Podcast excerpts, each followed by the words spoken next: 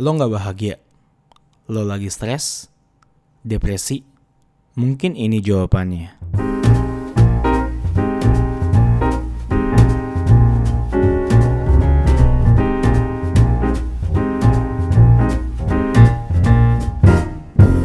Tes tes tes. Oke, em, selamat malam. Ini gue rekaman malam-malam dan eh, rekaman di rumah karena apa ya? Nggak apa-apa sih. Oke, so um, welcome back guys. Uh, this is me Will Ghost dan kalian lagi dengerin sudut pandang gue uh, episode ke-6.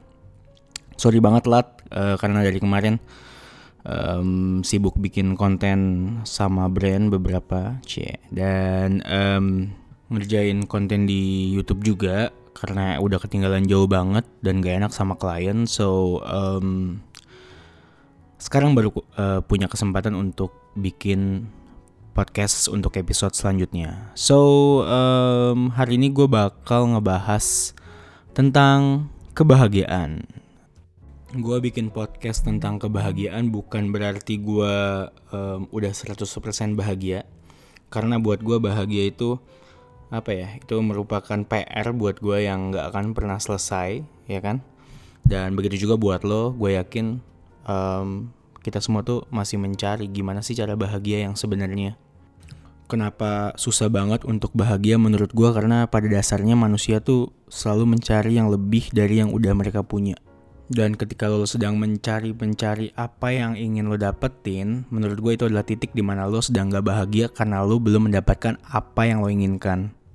Atau manusia tuh gak bahagia ketika sedang melewati momen-momen yang gak enak kayak misalkan lagi depresi, gara-gara I don't know mungkin lagi krisis life atau ada problem apa pun itu uh, bisa problem percintaan, friendship, bisa juga financial problem mungkin atau family issues.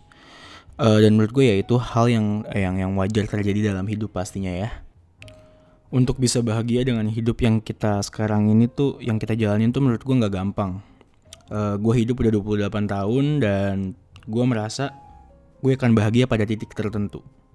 Tapi setelah gue pikir-pikir selama sebulan belakangan ini, menurut gue tuh um, kebahagiaan, rasa bahagia tuh nggak ada yang permanen. Karena ya setiap fase dalam hidup lu tuh ada ada apa ya, ada struggle-nya, ada challenge-nya. Contohnya misalkan kayak waktu gue uh, sekolah, kayak gue ngerasa buat gue tuh uh, momen yang cukup struggling buat gue karena gue nggak suka sekolah kecuali waktu zaman zamannya kayak misal bukan zaman zamannya waktu misalkan lagi ekskul atau atau lagi istirahat main sama teman atau hangout nongkrong sama teman itu mungkin momen serunya. Atau misalkan um, apa ya belajar bukan belajar maksudnya um, masuk ke kelas um, dengan mata pelajaran yang emang lo suka gitu kan. Itu momen-momen yang buat gue nyenengin dan ngebahagiain Terus begitu lo lulus sekolah kayak lo ngerasa kayak oke okay, tanggung jawab lo sebagai pelajar udah selesai. And then nextnya lo kuliah which ketika lo kuliah lo bakal temuin problem baru lagi, struggle yang baru lagi, challenge yang baru lagi dan momen tersebut pasti ada kayak bahagianya, ada enggaknya juga. Terus lo lanjut um, kerja and then lo pasti juga sama. Ada um, struggle-nya, ada challenge barunya di tempat kerja. Dan mungkin juga lu nggak happy dengan kerjaan yang lu dapet ya kan? Bisa jadi. And then lu lanjut ke hmm, apa? Dunia pernikahan, dunia pernikahan lagi. Ya lu lanjut ke tahap pernikahan, tahap uh, pendewasaan. Di mana di situ lebih apa ya lebih challenging lagi lebih banyak momen-momen yang bikin lu stres. Apalagi you know punya anak punya anak tuh gimana ya? Uh, mix feeling banget ya kan? Di satu sisi lo bahagia lo seneng ngelihat anak lo growing up. Di satu sisi lagi ketika lo lagi hektik banget dengan kerjaan uh, banyak hal faktor di luar yang ngebikin lo kayak uh, ngerasa apa ya ngerasa unhappy gitu loh. Um, um, my point is uh, selama hidup lo dari lo lahir sampai sebelum lo meninggal itu tuh nggak mungkin 100% lo happy ya kan? Pasti ada you know ups and downnya dan itu normal dan itu udah pasti terjadi dan lo nggak bisa hindari itu. Buat gue sendiri momen terberat um, yang cukup apa ya, yang cukup bikin stres tapi bukan berarti sekali lagi bukan berarti gue nggak bahagia gue bahagia juga. Cuman at the same time gue ngerasa um, apa ya under pressure banget uh, di umur awal 20-an 25 ke atas uh, itu udah berat banget karena tanggung jawab gue um, besar banget ya kan dan gue mencoba untuk mencari titik keseimbangan biar gue tetap waras gue tetap bisa tersenyum dan gue bisa ngerasa happy sehari-hari. Um, banyak yang bilang juga kalau misalkan lo punya duit, um, lo udah kemungkinan besar lo happy pastinya. Dan ya itu nggak salah juga sih menurut gue these days. Uh, life without money is um, not possible. Um, duit, ya duit, duit tuh uh, berperan cukup penting dalam hidup. Tapi untuk sekarang uh, apa ya? uh, yang gue rasain bukanlah duit yang bikin gue happy.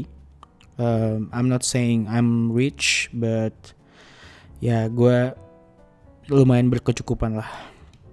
Um, achievement yang udah gue dapet juga apa ya bukan bukan bukanlah salah satu faktor yang bikin gue happy uh, menang Master Chef terus bisa punya kesempatan untuk um, bekerja di sosial media buat gue tuh privilege yang cukup besar buat gue menurut gue yang seperti gue bilang di episode sebelumnya siapa sekarang yang ngomong yang nggak mau jadi content creator yang nggak mau uh, hidup dari sosial media? Karena uh, I mean lo nggak perlu capek-capek datang ke kantor lo yang ngatur waktu lo sendiri lo yang ngatur kapan mau kerja kapan mau nganggur kapan mau santai. Itu semua lo yang atur. Ya menurut gue tuh udah enak banget gitu dibandingkan orang yang harus naik busway, mepet-mepetan, capek-capek, keringetan, bolak-balik, duit kepotong sama ongkos segala macem. Buat gue apa yang gue punya sekarang, kerjaan apa yang gue kerjain sekarang tuh menyenangkan sekali buat gue. Um, tapi mungkin juga lately gue ngerasa kayak this is too much for me. Um, mungkin gue terlalu kayak paksain um, kerja banget ya karena itu tadi karena uh, dengan gue uh, bekerja gue ngerasa uh, eh, gue bisa berkecukupan dan gue bisa mencukupi semua kebutuhan keluarga gue which sebenarnya kalau gue pikir-pikir lagi uh, gue butuh liburan. Gue butuh break dari aktivitas sehari-hari gue untuk kayak refreshing aja. Dan menurut gue itu penting banget. Kayak kepala gue nih ibaratnya udah uh, udah ngebul banget gitu loh. Udah kayak udah kuning mau ke merah stamina nya kalau main game um, so kenapa gue mau mengangkat um, tema kebahagiaan ini karena buat gue emang gue yakin di luar sana banyak banget yang sedang mencari formula atau mencari cara gimana sih biar bisa happy gitu kan gimana biar bisa ngerasain bahagia terus um, dan Sampai sekarang pun gue juga gak tahu formula exactnya seperti apa. Tapi mungkin gue bakal share dari apa yang udah gue dengerin, dari apa yang udah gue tonton juga belakangan ini. So, semoga tips dari gue ini bisa uh, ngebantu kalian. But I'm not saying this is the the only way, the right way karena banyak banget cara menuju Roma, cara menuju Roma, jalan menuju Roma dan banyak juga cara untuk lo bisa ngerasain happy, lo bisa ngerasain bahagia, lo bisa ngerasain senang. Nah, yang pertama ini udah pasti buat gue adalah do what you love. Yang dimaksud di sini tuh adalah kerjaan, pekerjaan kalian.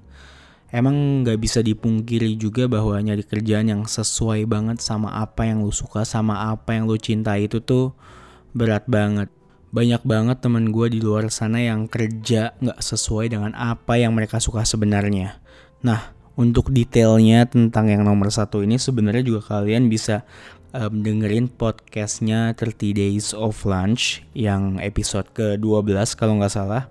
Di situ tuh ngebahas tentang love what you do versus do what you love. Nah, di mana uh, bakal dijelasin lebih detailnya dan hopefully itu bisa ngebantu kalian juga. Um, yang kedua buat gue adalah be organized. Be organized ini tuh maksudnya kayak lo mesti selalu ya organized dalam segala hal menurut gue dan mencoba untuk hidup minimalis. Um, gue bakal coba jelasin secara lebih detail. Yang dimaksud di sini organize itu adalah menurut gue ketika lo nggak organize dalam hidup lo, ya kan, schedule lo berantakan, barang lo semua berantakan, um, menurut gue secara nggak langsung berarti um, habit lo adalah lo nggak bisa rapi dan menurut gue ketika lo nggak rapi otomatis di pekerjaan lo juga ada kemungkinan lo nggak bisa rapi lo nggak teratur. Dan habit nggak teratur lo itu akan kebawa ke semua aspek dalam hidup lo. Which itu distraction banget buat lo karena dengan lo nggak organize sama sekali akan ada banyak pihak yang dirugikan lo sendiri dan juga sekeliling lo. Nah sekarang untuk hidup minimalis Kalau kalian mungkin pernah nonton film dokumenter yang judulnya Minimalism um, itu menurut gue salah satu film dokumenter buat gue yang ngena banget ke diri gue dan kalau kalian belum nonton please nonton. Di Netflix ada atau juga terserah mau download yang gratisan juga I don't judge. Ini gue kasih spoiler sedikit tentang film tersebut. Intinya adalah um, sebelum lo beli barang sebelum lo um, BM gitu kan ingin beli ini beli itu buka website e-commerce segala macam lo jadi keinginan untuk beli ini itu pastinya kan.